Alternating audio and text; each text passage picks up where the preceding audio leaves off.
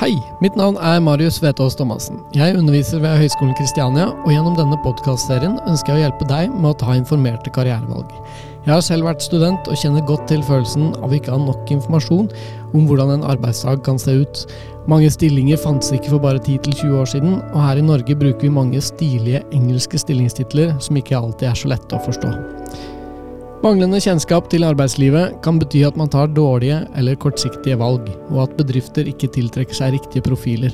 Så Derfor snakker jeg med ulike personer om deres konkrete stillinger og arbeidshverdag. I dag har jeg besøk av Ola Martin Jensen Larsen. Han er doktorgradsstipendiat her ved Høgskolen Kristiania. Her på HK, som vi kaller det, studerer over 18 000 studenter på ulike campus i Oslo og Bergen, og vi er 800 ansatte. Og har man jobbet seg gjennom nåløye etter nåløye her i livet, ja, da blir man doktorgradsstipendiat. Det er mitt syn på det, i hvert fall. Stemmer det, Ola? Ja, det er jo én eh, måte å se det på. Eller noe annet det er jo hvis du tenker at eh, du aldri helt har klart å bestemme deg. så du bare fortsetter å gå på skole. ja, så eh, det, det handler egentlig om at du ikke kom videre i livet, du bare fortsatte å studere? Ja, nei, jo da jeg føler jo at jeg har kommet litt videre. Ja. kommet litt videre. Men mye eh, fram og tilbake. Det der greiene med å bestemme seg for hva du har lyst til å bli ja. når du blir stor, har jeg alltid syntes var vanskelig. Det, at folk klarer å finne ut av det når de er Altså mellom 15 og 20, det er for meg helt uforståelig. Ja, det er eh, på en måte beundringsverdig. Uh, men er det også spennende å ikke finne det svaret? Ja, det er det. Jeg tenkte nå for ikke så lenge siden eh, at eh, Det er jo rart at vi tenker så mye på hva vi skal bli, istedenfor hva vi skal på en måte Altså, du skal, du skal bli eh, i form av en yrkestittel, og ikke hvordan du skal være som, som menneske, liksom. Hvis du skjønner hva jeg mener. Litt, ja. Det er litt sånn eh, stort og flytende og klisjéaktig, kanskje, men, men eh, tenker på at ja, nei, jeg skal bli Si forsker, da, for å si noe som er relevant akkurat nå, i forhold til min stilling, men, eh, men bli et godt, godt, menneske, på en måte. Hvis du skjønner hva jeg mener? Ja, at uh, forsker um, Det er jo bare en uh, kald tittel. Ja. Vanskelig å lese ut av selve tittelen hva, hva, det er i Sier praksis. Sier veldig men, lite om hva du mm. er, hvem du er. Ja. Vet du hvem du ønsker å være, da? Har du funnet ut av det? Det er lite grann. Det blir mye sånn kremting nå før jeg snakker. Så. Ja, vi, vi, går oss til. Ja. um, jeg har jo lyst til å være uh, En som folk liker at kommer, kommer liksom inn i rommet. At det blir eh, Du kjenner at Å, der var, der var Ola. Det er kjekt. Og som bryr seg og um, stiller opp for, for andre. Eh, det er det jeg har lyst til å være. Ja. Huh. Interessant. Uh, tidligere i den podkasten her så har jeg jo skilt mellom det jeg kaller hard skills og soft skills. Hvor hard skills er f.eks. Jeg klarer å bruke Excel, uh, mens soft skills er uh, jeg klarer å lede andre mennesker eller samarbeide i teams. så det høres jo ut som om det å vite hvem man ønsker å være, det handler kanskje om soft skills-delen? Ja, absolutt. Eh, for min egen del så, så kan jeg jo si at det har vært Det med hard skills har på en måte eh, Det har alltid gått seg til. Det lærer en til slutt uansett, hvis en, hvis en virkelig vil det. Eh, og det er på en måte soft skills som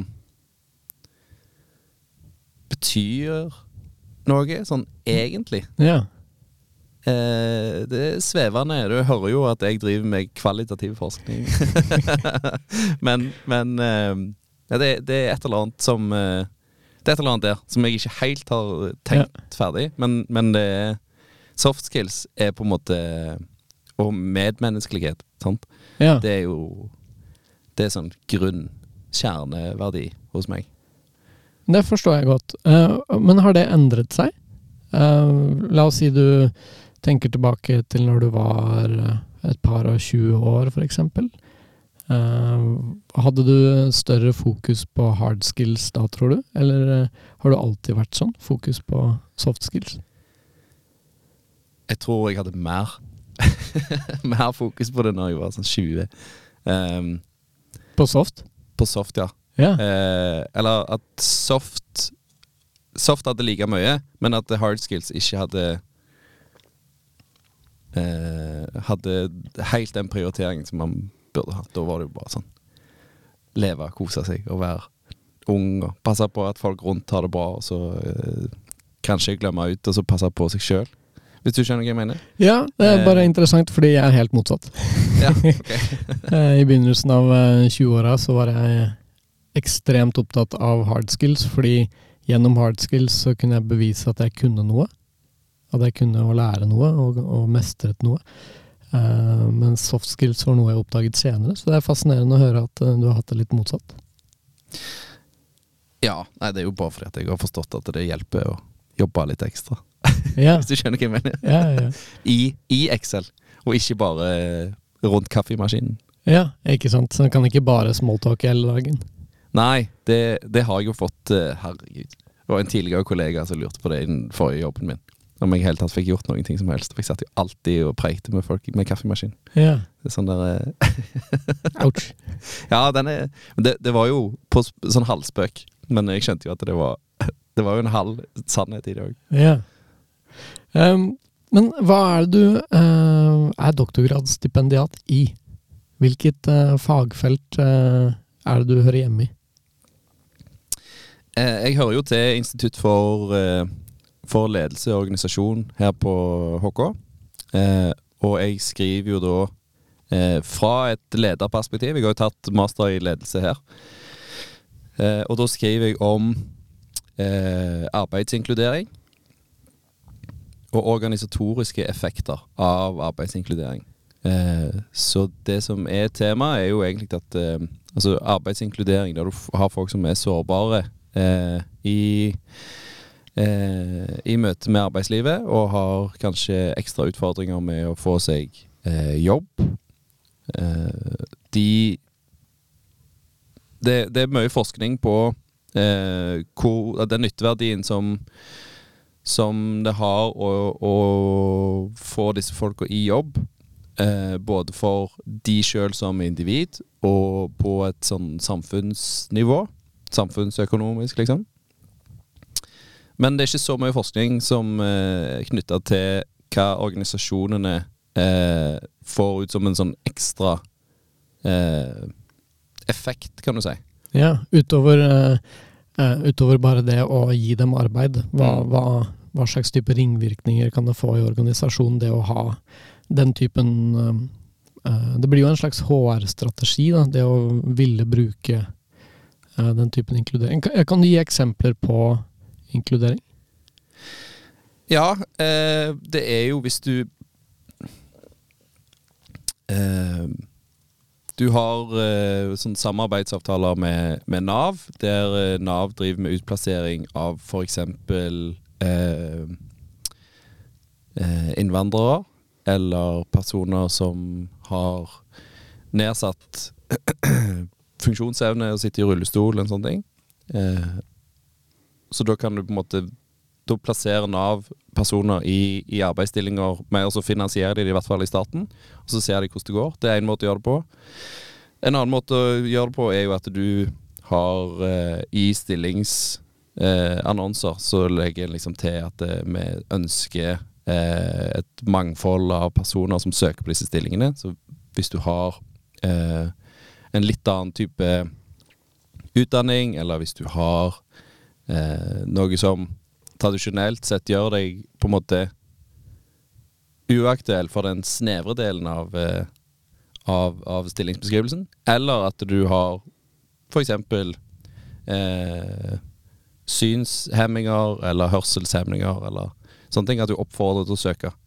Oppfordrer på en måte nesten enda mer enn den tradisjonelle søkeren. Sånn. Eh, så, du, så du kan gjøre det på en måte enten med statlige initiativer eller uten statlige initiativer. Eh, og forskjellen på det sånn effektmessig eh, er ikke helt sikker på ennå. Men, eh, men jeg, jeg har liksom en tanke om at det, når du gjør det sjøl, en organisasjon som, som tar liksom skikkelig grep og står for det sjøl, og står finansielt i det sjøl, og sånne ting òg. At de vil eh, De legger litt mer innsats i det, da. Ja, at det ikke er systemet som, eh, eh, som på en måte får det frem, men at organisasjonen selv eh, tar initiativ og ønsker å få til dette. Mm. Ja. At det er noe du, du tar hele Du tar eierskap til det. Til hele prosessen. Og hele eh, Altså alt som puttes inn i den type strategien. Eh, Ja. Alt av eh, kostnader, både sånn eh, humankostnader og finansielle kostnader. Så eh, at du da får Det blir litt sterkere, da. Ja. Får litt mer engasjement og eierskap til prosessen. ja. ja, men det gir jo mening. Men det er noe du forsker på? Det er noe jeg forsker på, ja. Ja. Og så er det jo andre veien òg, selvfølgelig. Det er jo sånn Å få støtte og kunnskap fra personer som har vært gjennom det før, via f.eks. Nav, har jo òg veldig sånn tydelige styrker. Så det er litt sånn styrker og svakheter. ja. Men eh, de helt konkrete funnene, de kommer jeg med seinere. ja. Hvor stort uh, er dette? Uh, så har du noen tall uh, på hvor mange mennesker det gjelder? eller ja, har du noen tall som kan gi oss litt følelse med omfanget av dette i norsk arbeidsliv? Når han, ja, når han snakker om sånne type tall, så, så ser han jo ofte på utenforskap i arbeidslivet, f.eks., for, eksempel, for å få et sånn inntrykk av det. Og eh, blant innvandrere i Norge så er rett under 60% i jobb.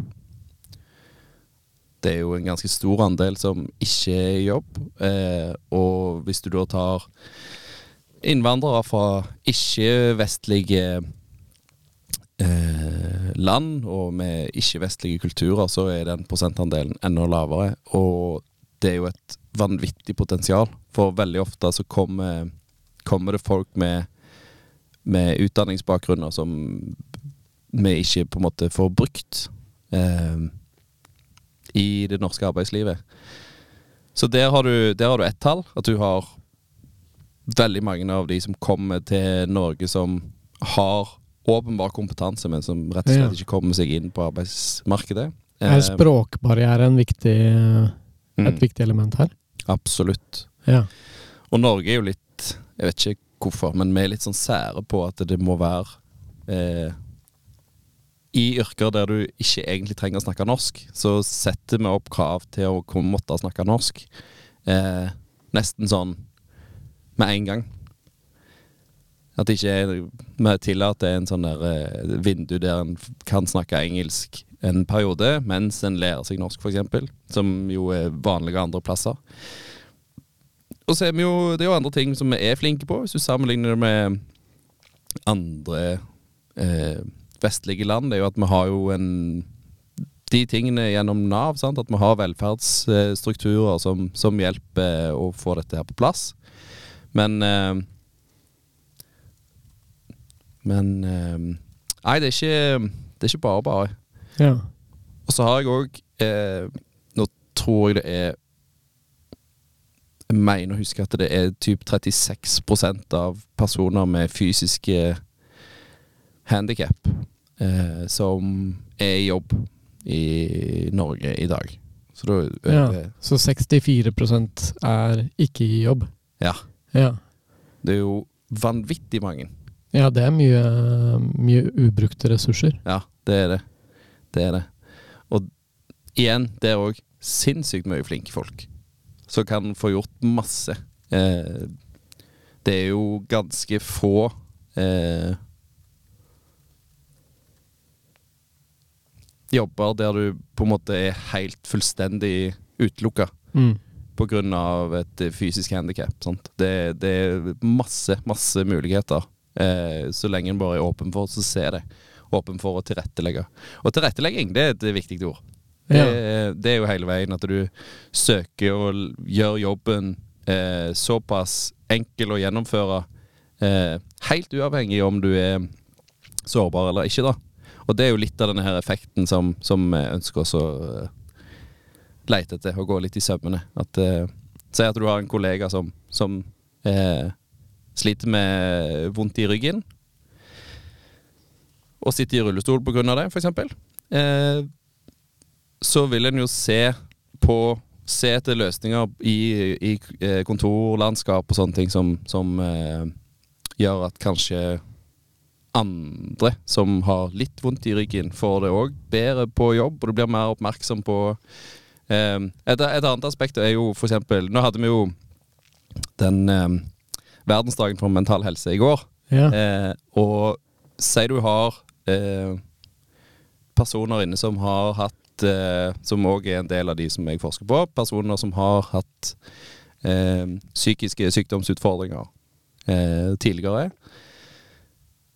De òg er jo sårbare inn i arbeidslivet. Men hvis du har da personer som har slitt med eh, f.eks. tunge depresjoner eller eh, sånne ting, og du har f.eks. fra et lederperspektiv stått i og støtta opp under personer som, som, er i en sånn situasjon, da. så eh, så vil du være mer var på å plukke opp signaler fra andre eh, kollegaer og ansatte som, som, kanskje er på vei ut i et liksom eh, eh mentalt landskap der en ikke bør være. Ja, så eh, gode eksempler. Så det å tilrettelegge for uh, på en måte uh, de mer ekstreme tilfellene gjør at man uh, bygger for å fange opp ja, mer det generelle også. Så alle har en mental helse. Alle har en, en rygg som kan få utfordringer. Mm. så hvis vi um, klarer å tilrettelegge for de som har mest vondt innenfor noe, så klarer vi å treffe, treffe flere også. At, at det er en, ofte en konsekvens. Ja, for eksempel.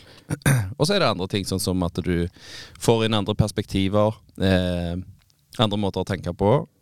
Og eh, et mer mangfoldig på en måte både meningsmiljø eh, og, og eh, ja, altså sosialt miljø. Og disse tingene gjør jo at en får eh, En får utvikle seg som eh, Altså, du, du lærer å se ting fra andre perspektiver. Du lærer å forstå hvordan eh, det er for personer som ikke er sånn som, sånn som deg. Og vi snakket jo om soft skills. Det er jo veldig inne i soft skills-land, dette her. Eh, temaet her. Mm. Eh, så det er jo en, en, form for empatisering. Det å sette seg inn i andres uh, situasjon. Veldig. Veldig. Hvor, uh, uh, hvor, i deg kommer denne interessen fra? Så uh, interessen for å hjelpe de som er vanskeligere stilt. Er det noe personlig hos deg det kommer fra? Det er jo Peke sånn konkret på det er ikke så, ikke så lett, men det, det har på en måte alltid vært eh, alltid vært viktig, da. Ja. Eh, de som De som trenger hjelp, på en måte, de har jeg lyst til å hjelpe. ja. eh, er du på en måte eh, svakere stilt, så er det du som skal ha støtte. Tenk, altså, det er jo på en måte den helt sånn uh, ryggmargsrefleksen hos meg. Ja. Og um, Eh, jeg vet ikke det, hva det henger i hop med å peke på liksom, ting i, i livet mitt, eller sånn. Jeg, jeg vet ikke. Jeg har um, jeg har to tanter som er psykisk utviklingshemma. Nå er det ikke psykisk utviklingshemma som jeg eh, egentlig ser på i prosjektet her, da. Men jeg ser jo på eh, Det henger nok litt i hop med det, tror jeg eh, Hvis jeg liksom skal kverne skikkelig på det At eh, de trenger jo hjelp, det er mye. Men så ja. er det jo så sinnssykt mye eh, Altså glede og, og eh, gode liksom, verdier og empati som ligger i de som overgår de aller fleste. Mm. Eh, så de har, selv om de tilsynelatende ikke kanskje har så mye eh, å by på, på en måte, så er det så sinnssykt mye mer under overflaten. Ja. Og eh, så lenge de bare får den støtten de trenger. Eh, og de betyr så mye. Det var noen som sa eh, Jeg syns det var fint, det var jo ikke meg, da, men jeg sa det til broren min. At eh, hvordan, hadde, hvordan hadde du sett på dette hvis de ikke var sånn?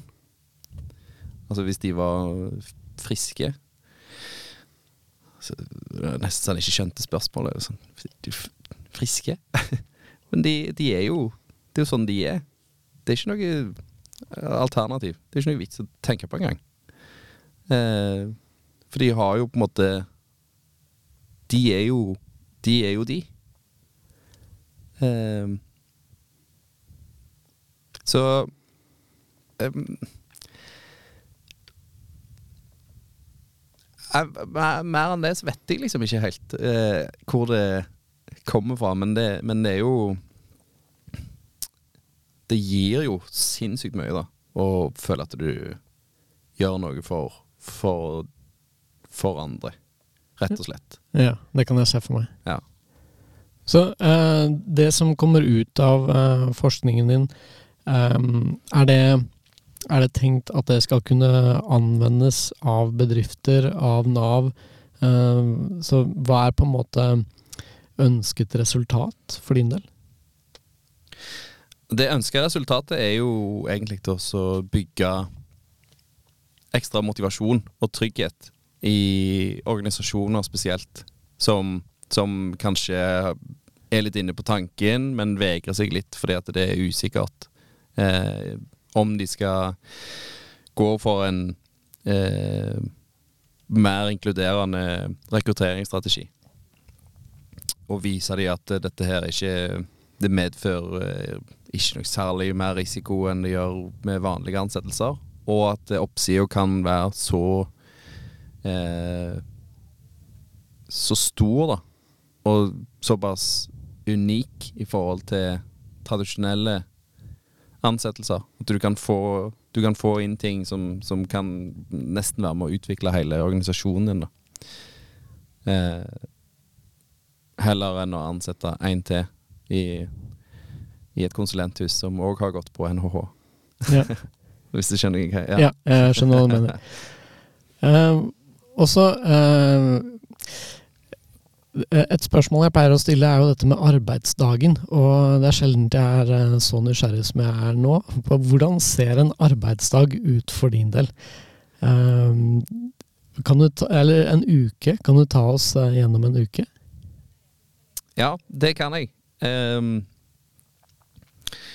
nå har det jo vært uh, pandemi. Det tror jeg de fleste har fått med seg. Så eh, etter, etter liksom eh, covid og greier, så eh, fant jo jeg ut at for min egen del Det er jo, det er jo veldig fritt, dette her. Det er, du legger på en måte opp akkurat sånn som det passer for deg. Det å være doktorgradsstipendiat. Ja. Ja. Eh, og så lenge du får på en måte eh, gjort det du, du skal, sant? så gjør du det på, på dine premisser. Og det tenker jeg at hvis det er noen som vurderer å gjøre det, så er det det som er viktig. Ikke hør så mye på hva andre sier, men gjør det som passer for deg i en sånn. Eh, det har jo jeg lært nå halvveis ut i løpet. Skulle ønske jeg visste det på forhånd. Men, men eh, jeg prøver å være mest mulig eh, blant folk.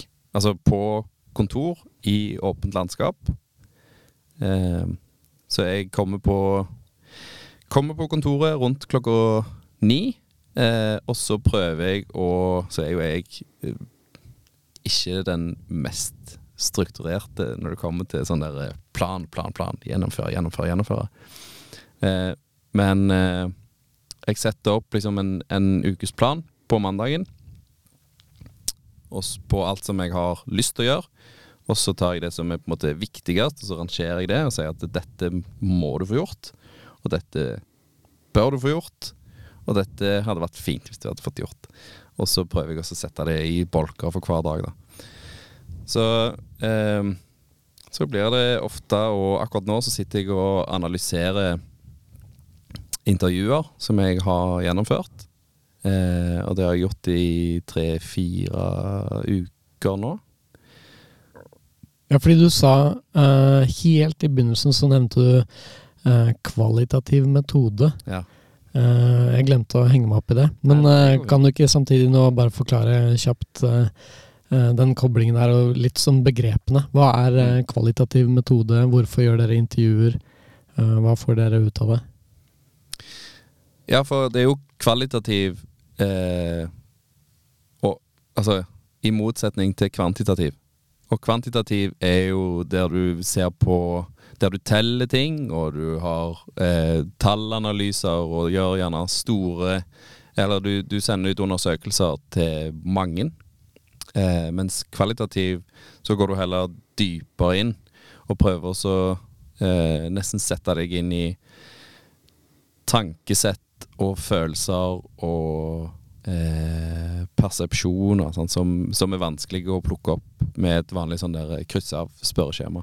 Ja, så, så rett og slett så kan man egentlig tenke på eh, begrepet eh, kvalitet fremfor kvantitet, når man prøver å skille eh, kvalitativ og kvantitativ metode. Du kan det. Jeg tror det er ganske mange som driver med kvantitativ, som hadde bare kommet opp Nei, nei, nei. nei. Men det, men det er i hvert fall i dybden, da, så du henter mer ut av de objektene du er i kontakt med. Stemmer. Eh, prøver å få en sånn dypere forståelse for, for eh, eh, Hvorfor, på en måte. Hvorfor er et viktig sånn der eh, begrep. Når du forsker, så er det ofte sånn der eh, Hva, hvordan og hvorfor. Eh, og hva og hvordan blir jo mer de der kvantitative. Sant? At du ser på hva er det som skjer, og så hvordan skjer det. Mens hvorfor det skjer, så må du ofte inn i på en måte Inn bak eh, i hodene på folk. I, ja, inn bak øynene, skal jeg si. Ja, altså. Inn i hovene høres bedre ut. Ja. inn bak øynene. Ja, det hørtes bare creepy ut. Ja. Ja, det gjorde det. Eh, men er det du som intervjuer? Ja. Ja, så um, å, Kan du eh, beskrive hvordan det er? Eh, Hvordan eh, Sitter du med folk og snakker med de, eller er det spørreskjema, eller Nei, jeg sitter, og, jeg sitter jo fysisk med de, helst. Eh, da har det blitt en del på over video fordi det har vært pandemi, men eh, like best å sitte i samme rom, eh, face to face, og, og ha eh, slash Altså intervju slash samtale, på en måte, om, om tema. Eh, og så, så er det litt sånn derre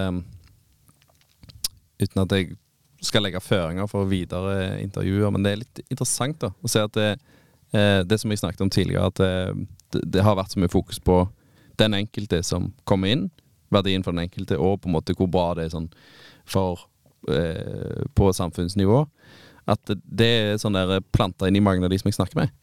At eh, når jeg selv om jeg prøver å spørre og, og formulere spørsmål som handler om eh, de effektene som er rundt, og på folkene rundt, og på på en måte sjølrefleksjon på hvordan folk eh, som jeg snakker med, opplever å jobbe med eh, f.eks. en som sitter i rullestol, da, eller eh, hørselshemma, eller Så, så syns de det blir Altså, det blir vanskelig å få det ut, så jeg, jeg må jobbe litt ekstra på eh, De må nesten mørnes litt, hvis du skjønner hva jeg mener. Ja, jeg skjønner veldig godt. Så eh, eh, du blir jo rett og slett veldig trent som intervjuer, da, høres det ut som. Ja, jeg får litt erfaring på det, i hvert fall. Ja, det å stille gode spørsmål eh, Jeg regner med at det å stille åpne, ikke lukkede spørsmål og alt sånt er viktig fokus for din del. Ja, Det, det, jeg syns jo sånt er så vanskelig. Jeg stiller sikkert altfor mange mm, sånn halvlukkede spørsmål på den podkasten her, men eh, jeg sitter med så mange tanker selv, og så får jeg lyst til å eh, bonde rundt de tankene, i stedet Mm. for å bare stille veldig åpne spørsmål og få da potensielt mer interessante svar. Mm. Uh, Men det, det går jo òg an å eh, bruke spørsmålene som en slags Altså oppfølgingsspørsmål som en slags oppsummering på det som eh, intervjuobjektene sier. ja. Så hvis eh, de tenker jo ofte høyt, og det er litt eh, tråder som eh, ikke er helt sånn er ferdig eh, Ferdig knytta i hop. At en da hjelper de å finne Finne Ja. de eh, begrepene som kanskje sammenfatter det de egentlig prøver å si, eh, og spør de om det er det de egentlig mener. Og så kan det virke ledende hvis du tar det ut av kontekst, men i kontekst så blir det ofte veldig, sånn, veldig nyttig. da, i hvert fall. Jeg ser jo det nå når jeg sitter og analyserer sjøl. Mm. Jeg er glad for at jeg gjorde det. Ja, ja, det skjønner jeg godt. At du ikke i etterkant i analysearbeidet blir sittende og lure på hva de egentlig mener Ja, eller mente, men tar det der og da, ja. Eh, Og da er vi jo tilbake til, eh, til hverdagen din, dette å jobbe med, med analyser, eller det å jobbe med oppsummering av intervjuer og sånn. Mm. Så eh, hvor mye eh, Det tar det mye tid å jobbe med det? Med analyser. Ja, det å eh, det å samle inn og bearbeide data, det er jo en av mine uh, Hva skal jeg si uh, Ikke fordommer, men oppfatninger. Oppfatninger av det å jobbe som en doktorgradsstipendiat. At, at, at det går med mye tid til akkurat de to prosessene. Ja. Det er vel kanskje I tillegg til å skrive, selvfølgelig. For du må jo skrive artikler og, og en avhandling til slutt. Eh, så er det på sida av å skrive det som kanskje tar mest tid. Eh, men det jeg var overraska over, er at det, med, det er jo en sånn kurs eh, krav, Altså det er kurskrav for å få gjennomføre en doktorgrad. Så jeg må ta så og så mange studiepoeng på doktorgradsnivå eh, for å få fullført. Og de tar ganske mye mer tid enn jeg trodde å få gjennomført. Og det var litt sånn jeg tenkte ja, men her er det å gjennomføre, hente inn data, og så kjøre analyser på det, og skrive ut eh, artikler og en avhandling til slutt. Og så er det egentlig det. Og så er det Det blir veldig mange andre sånne småting som detter ned. Og konferanser og seminarer som en skal være med på. Så dagene fylles. Ja, herregud. Det, det, eh, det tror jeg For min egen del så hadde det blitt sånn uansett. da eh, Så handler det litt om å eh, Mye av det å være eh, doktorgradsstipendiat eller student handler litt om å forstå hvem du er sjøl, tror jeg. Ja. Lære deg Du lærer minst like mye om deg sjøl. Så du lærer om det, de tingene du studerer på, og hvordan jeg fungerer i eh, arbeidshverdag, f.eks. Eh, for min del så, så må jeg ha eh, Vi snakket litt om det før vi begynte å ta opp, men eh, eh, Og må ha liksom, prosjekter som går litt parallelt, og gjøre ting sånn eh, Ha litt mer enn bare den ene ballen i lufta.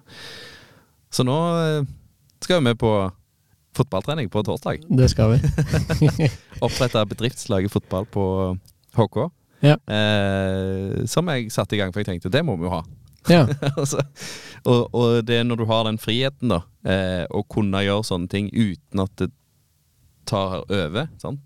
Ehm, det er deilig, kjenner jeg. Så det at jeg har mulighet til å gjøre ting fordi jeg syns det er kjekt, eh, mens jeg samtidig får tid til å gjøre det som jeg må gjøre, eh, det kjenner jeg at det er noe som jeg har lært meg nå, at det, det er noe som er viktig for meg da, i, eh, i arbeidslivet framover. Hvis det bare blir sånn eh, Får en gitt timeplan, og dette må du gjøre, og det må bli ferdig sånn og sånn, og så, så vet jeg ikke helt, altså.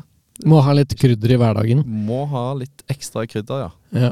Eh, En eh, tidligere sjef av meg, han, eh, han skilte mellom brød og sirkus. Brødet er på en måte det som er viktig, det som får hjula til å gå rundt. Det er det som gir inntekt til et firma osv., osv. Mens sirkus er, er, er krydderet. Og det også eh, Det han kanskje lærte meg, var å vite når er det vi skal fokusere på det ene eller det andre. Og det kan bli for mye av det ene og for mye av det andre. Eh, jeg er veldig enig. Det å finne ok, hva er, hva er mitt eh, sirkus i hverdagen som gjør at eh, det blir bitte litt mer motiverende å stå på om morgenen. Kjempeviktig. For eksempel det å spille inn en podkast eller spille fotball. Absolutt. Det kan fort bli mye sirkus. Det kan det. Ja, du trenger Så- ikke å innrømme det. Jo, men herregud, det er jo eh, Det er viktig. Det er viktig å snakke om uh, sine egne liksom uh, uh, svakheter. Ja, eller, eh, eller at man har andre interesser enn enn det å jobbe hardt og tjene penger. Ja. Det er lov å ha, å ha andre interesser. Ja, herregud. Og i et land som Norge så, så er det veldig lov, og det burde derfor være veldig lov å snakke om det. Mm. Vi er jo ikke roboter, noen av oss. Nei, heldigvis Forhåpentligvis. ikke. Ja, forhåpentligvis. Eh, bank i bordet. Vi vet jo ikke det. Eh, du, veldig, eh, eh, veldig interessante spor vi kommer inn på. Eh, jo, eh, jeg må jo også spørre deg hvordan Altså, når man går um, Hvis jeg skal prøve å få ut tankene mine altså, Først så går man jo på barneskole. Der, der begynner jeg, da. Så går man ungdomsskole, så går man videregående, og så tar man kanskje en bachelor og en master, og så kommer doktorgrad. Um, er doktorgrad noe man planlegger, eller bare kommer det av seg selv? Og hvordan holde seg motivert i så mange år i en akademisk eh, kontekst? Det var kanskje et veldig stort spørsmål, men uh, skjønner du hvor jeg vil? Så, Jeg tror jeg skjønner hvor du vil. så Eh, eh, og for min del så ja. Så er den mye mer sånn der eh, fram og tilbake og knotete enn den der eh, opplesningen du hadde av Ja, men det er godt ikke å så, høre. Ikke så beint fram, dette greiene som jeg har holdt på med. Um, for altså, etter barneskole og ungdomsskole eh, så gikk jeg på Katedralskolen i Stavanger. Eh, og da syns jeg liksom ikke Da var ikke skole så viktig. Eh, da skulle jeg eh, Da skulle jeg bli rockestjerne. Jeg skulle til å si det. Du skulle vel bli rockestjerne? Ja. Det var det som var planen. Hva, hva spilte du? Eller hva, hva var din rolle i bandet? Jeg spilte bass, og Ja. så uh, kjørte jeg uh, uh, som oftest bil når vi skulle liksom rundt. Vi hadde en sånn svær kassebil, så kjørte vi den. Jeg ser det veldig tydelig for meg. Og litt sånn, eh, jeg vet ikke, litt sånn diplomat i, eh, i gjengen. Men, eh, men det holdt jeg på med da. Og så, eh, etter videregående, så eh, Siden jeg hadde tenkt å bli rockestjerne, så så jeg jo at karakterene var jo litt sånn De kunne jo vært litt bedre. Så da tok jeg først og jobba et år, og tok opp litt fag. Og så eh, ja, skifta jeg jobb og tok opp litt fag til. og så begynte jeg på årsstudium i Bø i Telemark, i bedriftsøkonomi. Eh, som eh, Jeg fant ut at eh, jeg trenger litt større by enn en Bø. Eh, så da ble det bachelorgrad etter det i Bergen i økonomi, og så ble det et årsstudium i historie, for da tenkte jeg at nå vil jeg gjøre noe helt annet. Så da flytta jeg til Oslo, tok årsstudium i historie, og så fant jeg ut at eh, ledelse på Kristiania, det var en spennende mastervei å gå. Eh, så det, det er fram og tilbake, og aldri helt sånn der tydelig retning. Så for min del så eh, Ja, så fikk jeg jo jobb i, i PwC, som er regnskap og revisjon og konsulentselskap. Eh, der jeg jobbet i HR-avdelingen etter endt mastergrad. Så jobbet jeg der eh, på deltid siste året mens jeg jobbet med master, og så ett år etter det. Eh, og så fikk jeg tilbud og, Eller jeg fikk en oppfordring om å søke på, på doktorgrad eh, fra min tidligere, veile, tidligere veileder. Så det var litt sånn tilfeldig for min del. Um, men jeg tenkte at eh, shit, det må jeg jo Doktorgrad, det må jeg jo prøve. Ja, Så du, du klarte på en måte ikke å si nei, det, det var et kult uh, tilbud? Jeg tenkte at uh, hvis jeg Altså, dette her kommer jo ikke jeg til å få tilbud om igjen, tror jeg. Ja. Uh, og ikke sånn der, det er ikke FOMO, egentlig. For jeg tenkte at det, det blir jo sikkert kjempekult. Men timingen, det høres ut som timingen var veldig god, da. Timingen var bra. Eh, og tema Det var jo litt sånn halvskissert opp når jeg begynte. Eh, Virka veldig, veldig spennende. Og midt i på en måte min interessesfære. Så da var det, var det bare å hoppe på Ja. og se hvordan det går. Og så var jeg jo litt sånn eh, Jeg tenkte jo dok doktorgrad, da er det mye å sitte aleine og jobbe fokusert. Og det er jo to ting som jeg ikke er så flink på, egentlig.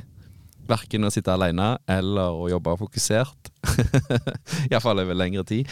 Så da tenkte jeg at eh, OK, hvis jeg nå får til dette, da da får jeg på en måte bevist for meg sjøl at eh, jeg kan få til ganske mye. Og det òg var motivasjon i på en måte nesten å løfte båndnivået, hvis du skjønner hva jeg mener. Eh, Jeg liker, jeg liker motivasjon. ikke, ikke bare sånn der ja, Det er jeg flink på. Ja. sånn, men, ja, men det er jeg flink på. Det, her kan jeg utvikle meg. Ja.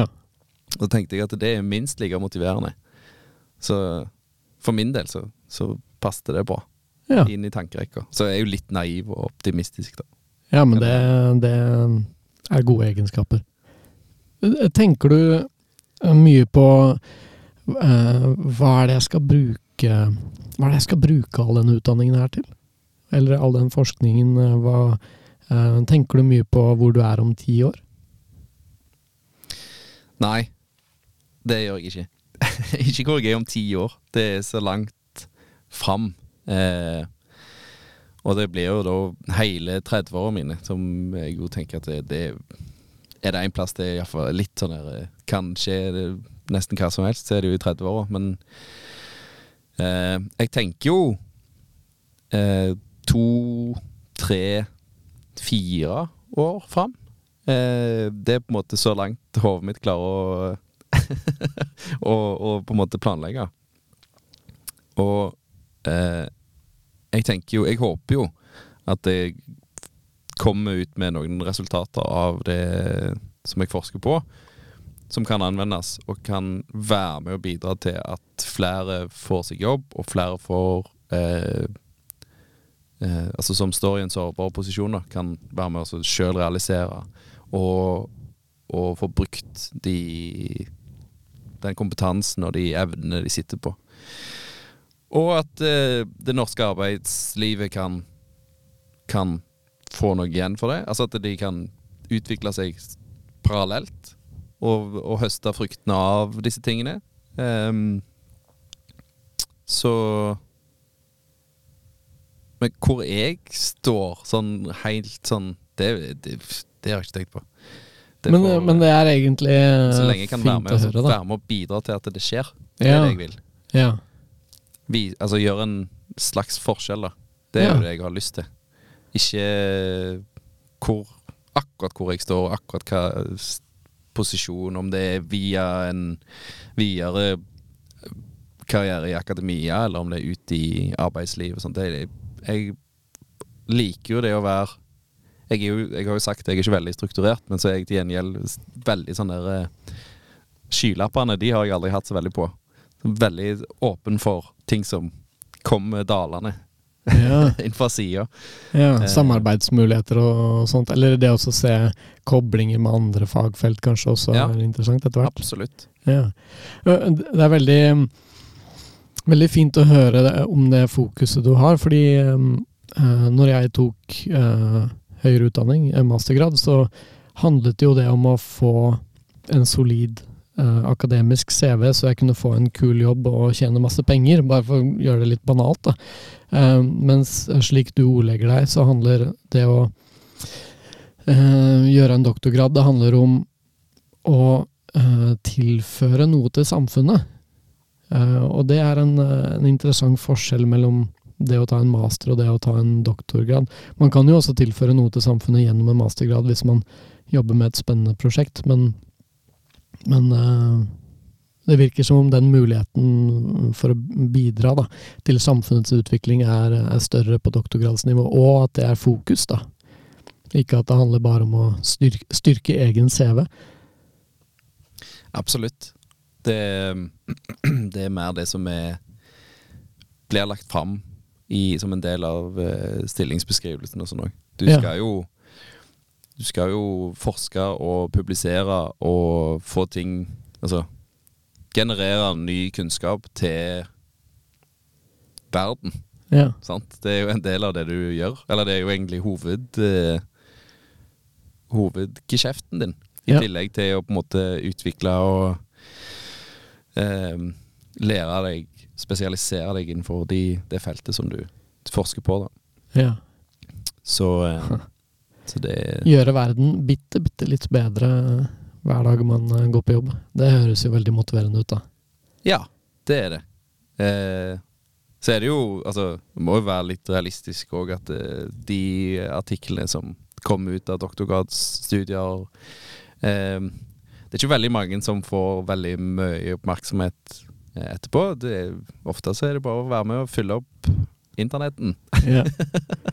Men det er kanskje også tekst, prosessen Det er, ja. ja, det er prosessen å lære eh, hvordan det er å stå i vitenskapelig arbeid, og analyser eh, som er relevante for, for veldig mye eh, av sånn kunnskapsrelaterte jobber i dag, da.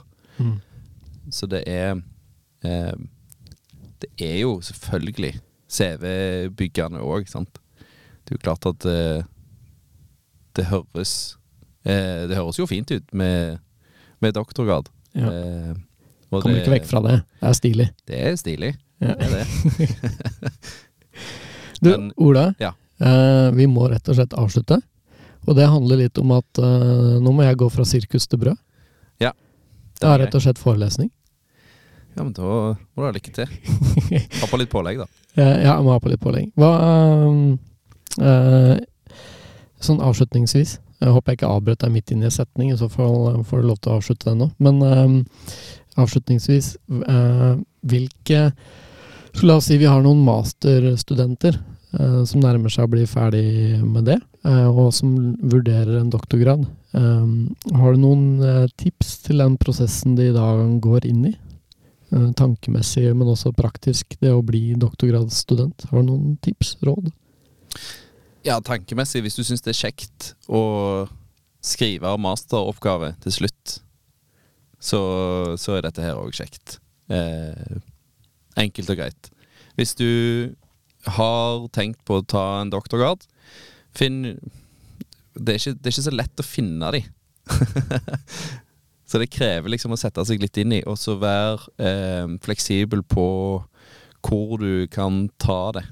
Eh, for det dukker opp veldig mye gode muligheter, og det er veldig internasjonalt miljø. Så du kan ta det mer eller mindre hele verden. Men det er vel eh, i Norge du får best betalt. Selv om det ikke er så godt betalt i Norge heller. Ehm, men finn iallfall ut. Det, det er ikke så lett å finne de stillingene, eh, så det krever å lete litt. Men, eh, Ja. men det De prate med folk, kanskje? Prate med Ja, folk som med jobber på skolen. Prate med forelesere og professorer, og høre om, om de vet om ting som Altså, de som holder på med ting som er Som er innenfor ditt interessefelt. da. Og høre om ikke de vet. For de har ofte ganske godt nettverk. Ja. Veldig fint. Du, tusen takk for at du tok turen innom. Takk for at jeg fikk komme. I dag har du fått hilse på Ola Martin Jensen Larsen. Han er doktorgradsstipendiat her ved Høgskolen Kristiania. Denne episoden ble laget i samarbeid med Senter for pedagogisk utvikling og læringsteknologi samt Karrieresenteret her på Høgskolen Kristiania. Følg med videre for flere samtaler, og ønsker du å høre erfaringer fra en konkret yrkesretning, send meg gjerne en e-post på mariusvth at gmail.com.